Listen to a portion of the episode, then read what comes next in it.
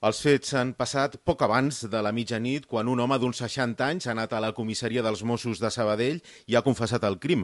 Fons coneixedores del cas han explicat que la policia s'ha despassat a dos quarts de dotze amb el presumpte assassí a casa seva, a la Rambla de Sabadell, al centre de la cocapital ballesana. Allà han trobat el cos sense vida de la dona, amb signes de violència i, segons ens expliquen, dins d'un bagul. La investigació per part dels Mossos es manté oberta. Els forenses analitzen analitzen el cos per conèixer les causes de la mort de la que seria la sisena dona que mor a Catalunya des del mes de gener a mans presumptament de la seva parella o exparella, segons el recompte de l'Observatori de Violència de Gènere.